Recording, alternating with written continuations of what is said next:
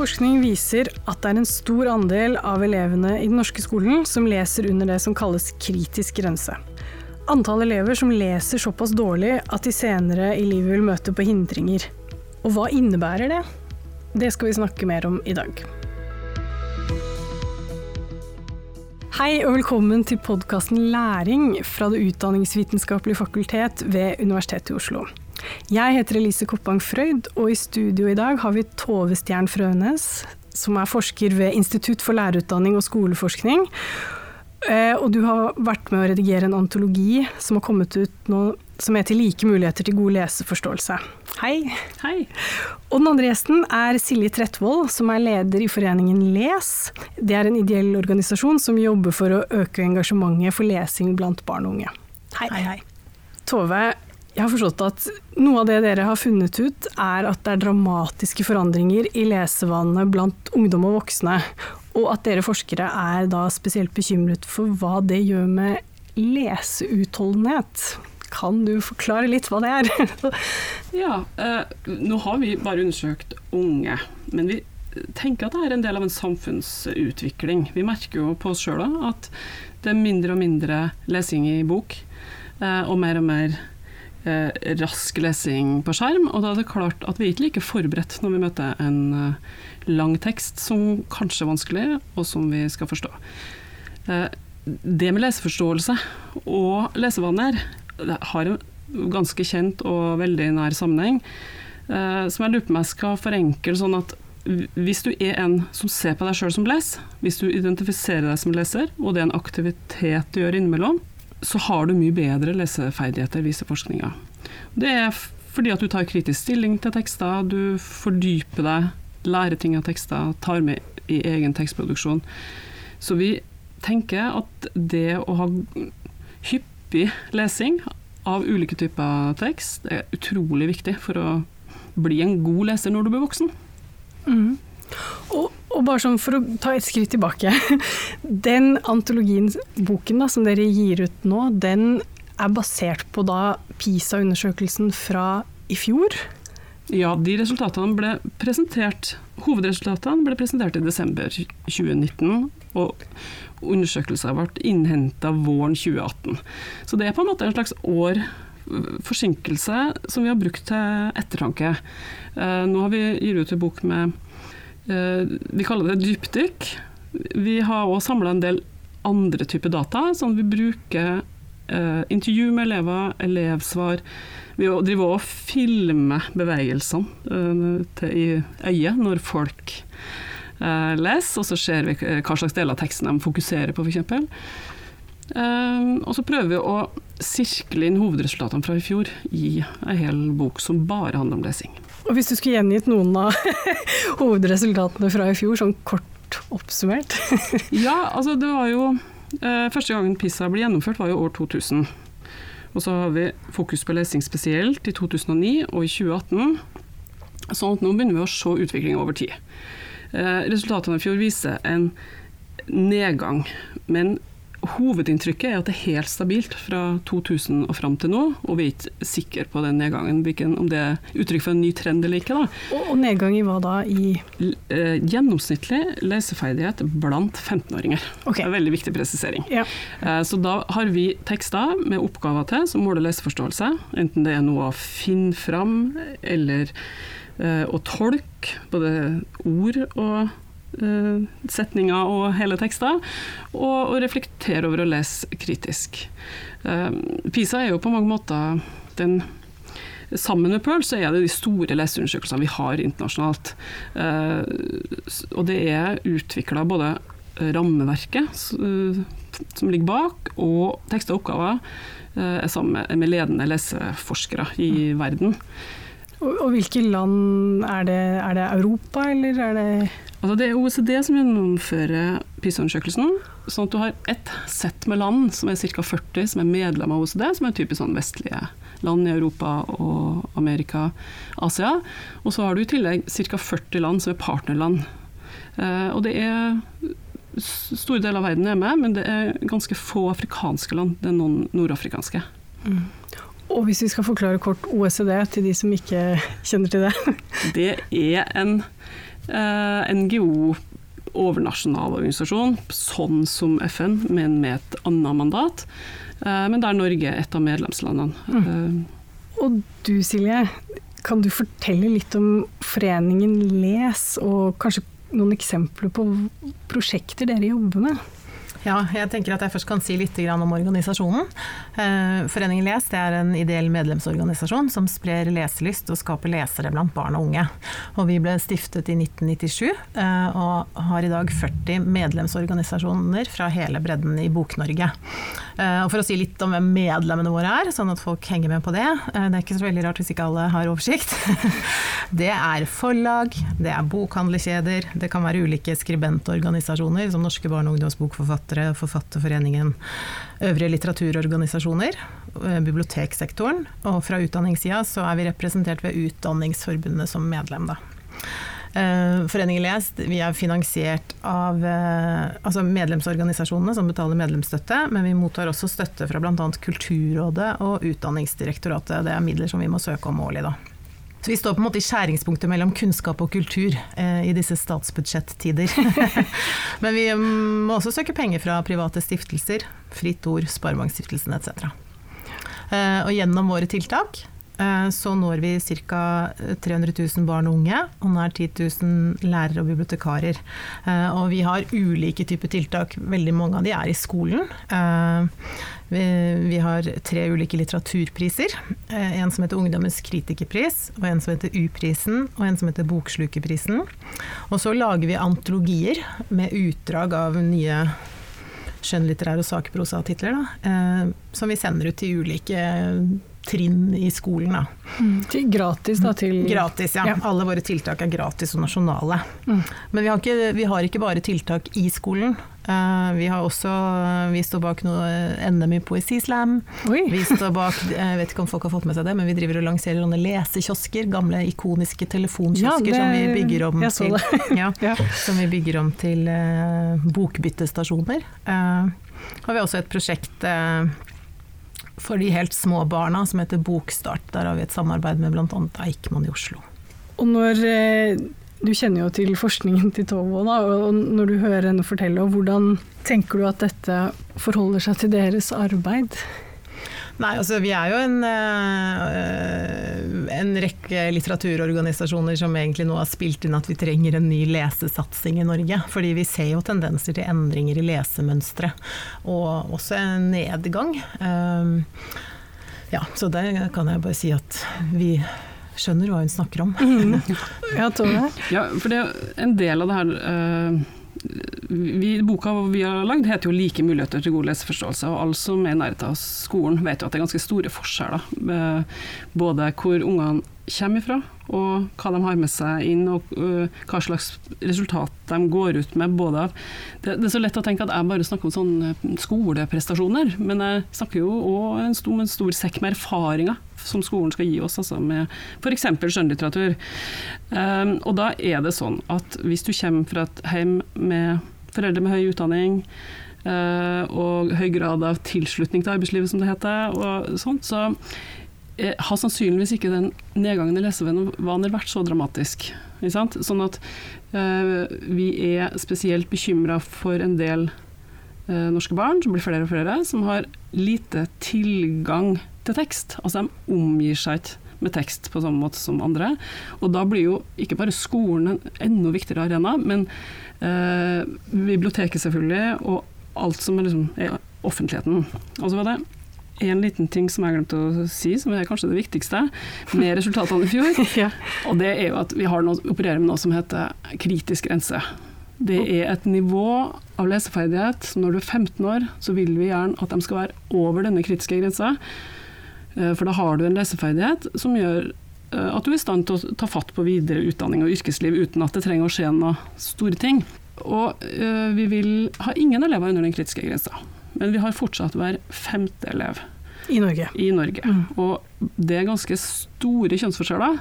Oi. Sånn at mens det er kanskje 12% av jentene som leser under kritisk grense, så er det faktisk 25% av guttene. Oi. Så det var fjerde 15-åring av gutter i Norge, tenker vi har leseferdigheter som det må skje ganske mye med da, for at Mm. det ikke skal hindre livsmulighetene de har. Altså, det høres så dramatisk ut, men det handler jo om hva slags jobb har du lyst på, uh, hvor har du lyst til å bo, hvilke skoler kunne tenkt deg å komme inn på. Uh, og det er en nær sammenheng med hvor mye du leser, hvor godt du leser, og derfor så syns vi at det må distribueres mer lesemuligheter Mm. til alle. Og det er derfor vi er veldig glad for at Silje finnes. da. Mm. Ja. Og organisasjonen. Ja. Men har dere egne tiltak da i Foreningen Les som er rettet inn mot f.eks. gutter? Vi har eh, hatt uh, ulike tiltak, men altså, sånn som det er nå, så har vi ikke noe som spesifikt retter inn mot uh, gutter. Uh, vi er jo også klar over at det er store kjønnsforskjeller, men vi er ganske opptatt av også den derre hvordan skal man snakke om disse kjønnsforskjellene uten at det skal bli så stigmatiserende. Eh, det er noe med å løfte fram Vi tenker av og til litt annerledes, at man heller skal løfte fram de guttene som faktisk leser, enn å hele tiden eh, konfrontere de som ikke leser. Eh, fordi det handler jo om å få en sånn positivitet rundt det å lese. Eh, hva var spørsmålet ditt? Om dere hadde egne tiltak rettet mot gutter? Ja. Vi har hatt noe før som het Les for meg, pappa. Eh, det har vi ikke lenger nå, men, for det var et treårig prosjekt som vi fikk tilskudd til. Eh, det handlet rett og slett om fedre eh, som lesende rollemodeller. Ja. Mm. Men altså denne det å lese i seg selv, det virker som om det ja, har veldig stor betydning for andre skoleprestasjoner også, Tove? Ja, det er veldig nær sammenheng mellom det. Og det øh, altså akkurat på småskolen så kan vi jo tenke oss at det er ganske sånn grunnleggende leseopplæring og regneopplæring som foregår. Og så når de, elevene kommer på mellomtrinnet, så skal de begynne å bruke leseferdighetene sine til å lære de andre fagene. Mm. Så hvis de leseferdighetene ikke er med, så får du veldig raskt problemer i store tekstfag, sånn som samfunnsfag og naturfag. Når du Eh, sier da store problemer, bare spørre, handler det rett og slett om at du ikke elevene klarer å forstå teksten fordi de ikke har teknikker til å gjøre den forståelig for seg selv, Ja, eller? det tenker jeg. Også hvis jeg sier eh, å trekke slutninger og tolke til det, så tror jeg kanskje at du tenker veldig raskt på skjønnlitteratur, og kanskje til og med dikttolking.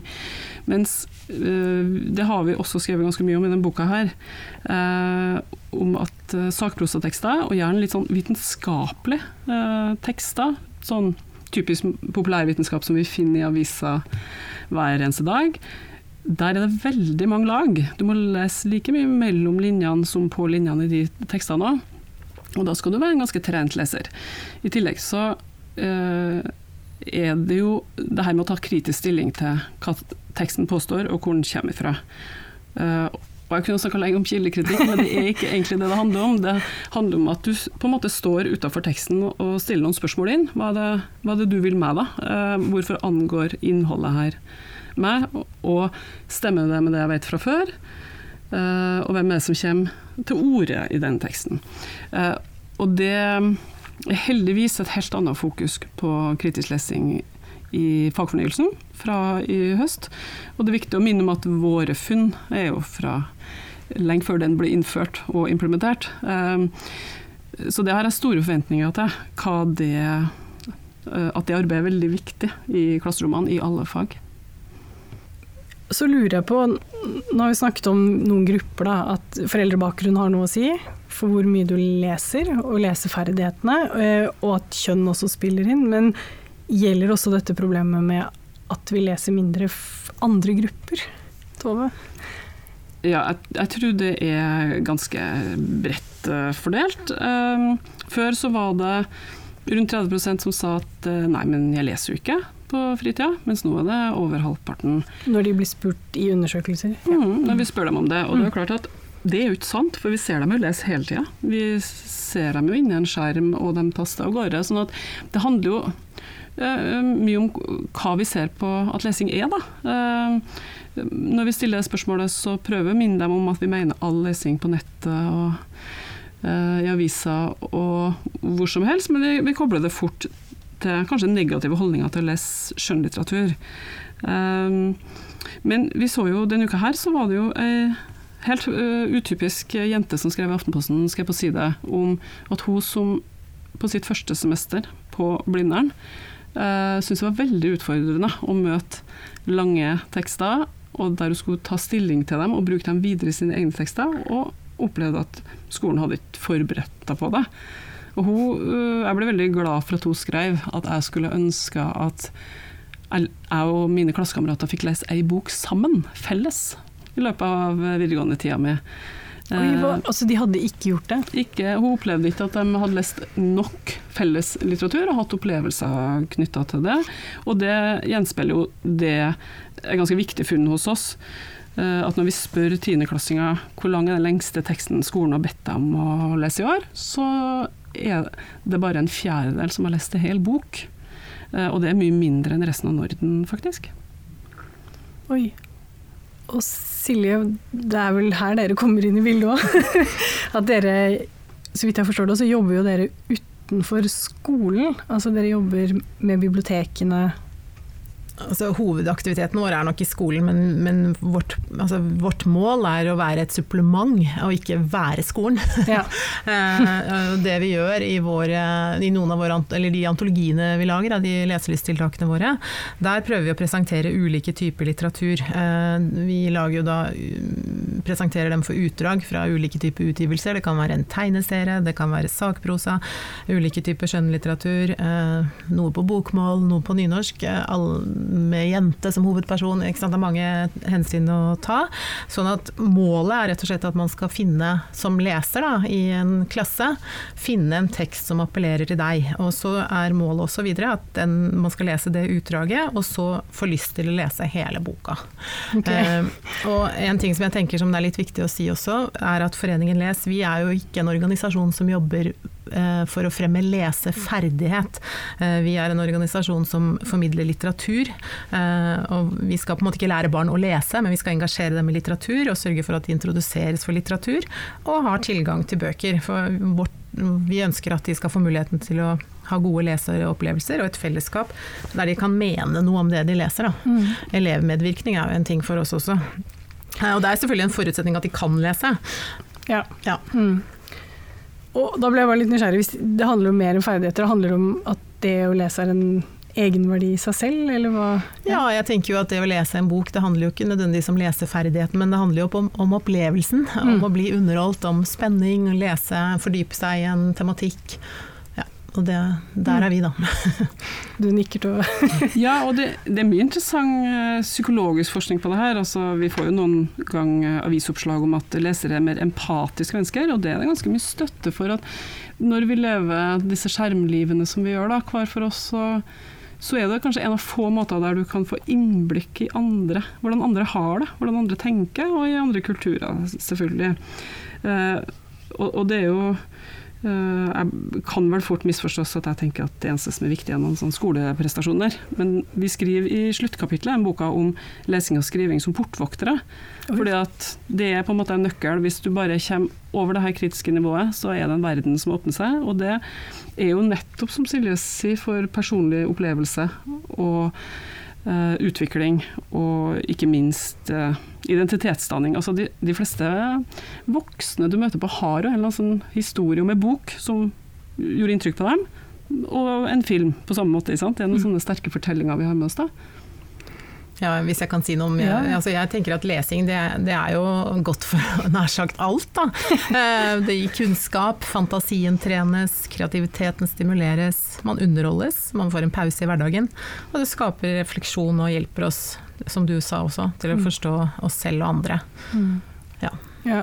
Og dette ble jeg nysgjerrig, da. Fins det dokumentasjon for dette i ja, det, forskningen? Altså ja, ikke i min forskning, men Nei. det er jo veldig mye interessant eksperimentell forskning uh, innen psykologi som har kontrollerte eksperiment som skjer på det. Mm. Uh, det forskes jo mye på uh, Har det noe, egentlig noe betydning om du sitter og leser på en i ei bok i hånda, eller en Kindle, eller kanskje til med en iPad. Men uh, det har ikke vi sett noe videre på. Men det er klart at det er en viktig del av den diskusjonen hva skal vi nå gjøre mm. uh, for å faktisk uh, ha et samfunn der vi fortsatt leser. Mm. Vi er helt avhengig av at mange av oss leser ganske mye Mm. i det tekstbaserte samfunnet vi har. Eh, og det er ganske interessant. eh, det forteller meg da, at det vi sitter og snakker om nå, om skolen kanskje, og eh, 15-åringer, det berører jo eh, i voksenlivet også. De fleste jeg snakker med, rapporterer jo at de merker endringer i lesevaner bare på seg sjøl og familien sin, og Mm. forbruket av bøker. Ja, jeg, jeg tenker at Hvis man på en måte skal løfte det veldig, da, det store bildet, det er at uh, det å ha lesende barn og unge det er viktig når man skal bygge Norge som kunnskapsnasjon, rett og slett. Uh, etter uh, Når oljen tar slutt, så må, det er humankapitalen vår. Så det å ha lesende barn og unge, det er viktig for landet, hvis man skal liksom ta de store linjene. Mm. Ja, men det, det tror jeg, og det er mange sider av uh, lesinga. For vi forskere kaller jo det på fint uh, literacy. Altså det at lesing og skriving henger sammen, Ja. og er sånne portnøkler til forskjellige områder. Uh, du kan jo være veldig uh, vant til å omgås tekst f.eks. på skolen, men det hjelper ikke deg når du kommer ut i yrkeslivet. At det er litt sånn forskjellig mm, språk, da, som du kalte det nå. Mm. I tillegg så er jo det jeg jobber mye med, er jo det vi kaller metakognisjon, som er den der bevisstheten i arbeidsminnet om at eh, hvorfor gjør jeg det jeg gjør? Eh, den teksten jeg leser nå, hva betyr det? Det jeg leser, hva betyr det for det jeg skal skrive etterpå? Og eh, skjønte jeg forresten ah, det jeg leste akkurat nå? Og det er eh, flere kapitler i den boka som handler om 15-åringer sine altså det er veldig vanskelig å måle her, da, hva slags eh, metakognitiv bevissthet har dem, men vi har tre forskjellige sånne eh, case der vi ser på Kjenner dem igjen hva som er lurt å gjøre i tre ulike tekstsituasjoner. Og det det er ikke veldig oppløftende resultat, det kan jeg jo da si. Og det, det vi faktisk eh, gjennomsnittlig eh, gjenkjenner dårligst, det er et sånt case der vi eh, spør dem eh, Se for deg at du får en e-post der det står at du har vunnet en mobiltelefon. Nedenfor har vi lista opp seks ting som eh, kan, du kan gjøre. Hva er det smarteste å gjøre nå? Og da er det jo, øh, siden det her å komme til dem med en melding, da, så kan de jo, vi foreslå at de kan klikke på en lenke, eller gå til nettsida til forhandleren, eller slette e-posten. Eh, og da er det eh, Vi er nok blant de i Norden som får til det her dårligst. Mm. elevene rapporterer rett etterpå i spørreskjema at de har lært ganske lite om det på skolen. Og det er jo i forhold til resten av Norden, da, så der er det tydelig at vi har litt å gå på. Men det som har interessert meg faktisk mest med det eksempelet, det er at når jeg så nærmere på svarene, så så det ut som en ganske stor andel elever trodde at eh, det var om å gjøre å få tak i den telefonen. Mens vår hensikt var jo selvfølgelig at eh, de skulle avsløre det som spam.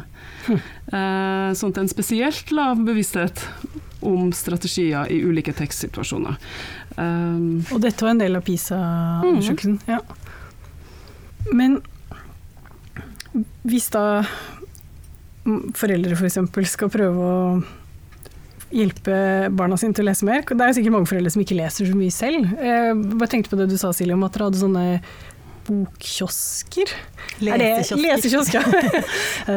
Eh, er det et tips? Kan, man, kan du fortelle litt hvor, hva er tanken bak det? Ja, det er rett og slett å tilgjengeliggjøre litteratur. Eh, Der har vi vært så heldige at vi kan eh, bruke 100 vernede telefonkiosker, de gamle designikonene som vi i vår generasjon husker. Mens ikke nødvendigvis barn og unge har vært eh, brukere av. De, de får vi nå lov til å fylle med, med bøker. Og det handler også om at man skal gi en bok og ta en bok. Så det er nå ett et Så aspekt. da kan man gå dit da, Mm. med f.eks. barn eller alene, og bare kanskje bli inspirert, og så finner man en gratis bok. Ja, gjerne hvis man tar med seg en bok man selv har lest, som Ja. man er ferdig med, så kan man sette den inn, og så kan man ta med seg en ny. Så det, det har vært veldig populært. Folk syns eh, veldig sånn omfavner det prosjektet, Mm. fordi det er gjenbruk av noe som er kjent. Mm. Men i forhold til det å, få eh, tips til foreldre, og det handler jo mye om å være lesende rollemodeller selv, da, og vise at man at lesing er noe man gjør. Mm. Uh, Men hva hvis det ikke er det, da? Nei, da Det var det. Ja. Eh, Da tenker jeg jo at sånn f.eks. nå i Norge, så er det jo her i Oslo som vi sitter nå, så har jo Deichman Bjørvika åpna. Og det er jo en, de har jo hatt enorm pågang. Eh, og vi er jo gode på å bygge kulturbygg i Norge. så det, det, er jo sånn at man rett og slett kan oppsøke bibliotek. Eh, det er jo ikke bare i Oslo det er fine bibliotek. Eh, der er det jo mange dyktige bibliotekarer. Og mye av clouet for å få barn og unge til å lese, er jo rett og slett at de får lese noe de har lyst til å lese. Mm. Uh, og da må man bruke fagkompetanse til bibliotekarene som kan rett og slett finne riktig bok til riktig leser. Ja, så man skal gå rett og slett og spørre litt? Og ja, si, få hjelp og råd. Og det, altså, hvis man aldri har lest en bok, så må man jo på en måte legge rådene deretter. Men hvis man har lest, så kan man jo få tips om mm. lignende ting man har likt. Da. Um, og det jeg også tenker som kan være viktig, er at hvis en bok er kjedelig, så er det lov å ikke lese den. Ja. Fordi, så man må ikke fullføre den? Liksom, nei, at det ikke blir sånn tvangstrøye. Det syns jo ikke vi er gøy heller, vi voksne.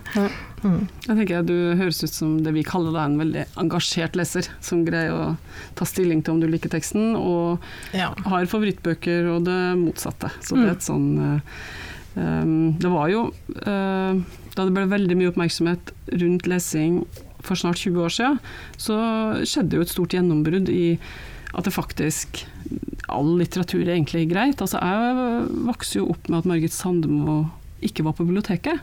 Og det var store avisdebatter om det. Og, og det er jo et litteratursyn som ingen, uh, heldigvis, i forskninga eller uh, den offentlige debatten fremmer i dag. At det fins uh, god og dårlig litteratur sånn per se. Mm. Det, det fins jo det som passer for meg, og det som passer for deg. Men hvis, jeg tenker jo det, den eh, voldsomme tilgjengeligheten som de fleste unger i dag har på skjermer, enten det nå er mange mobiltelefoner eller andre ting i heimen, hvis du kan prøve å matche den eh, tilgangen med tilgang til bøker av all mulig type. Mm.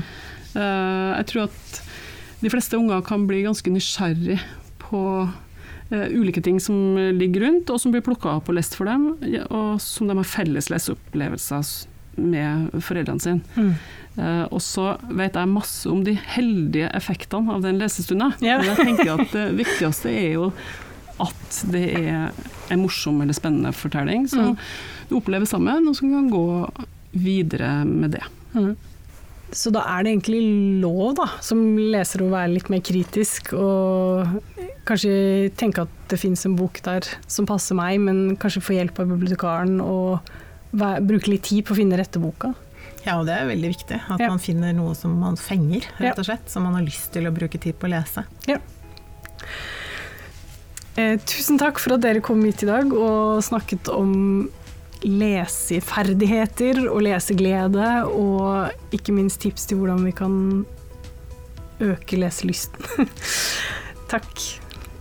Ja, det er jeg sikker på det ikke er siste gangen vi snakker om dette. Heldigvis er det veldig mye prat om det i offentligheten.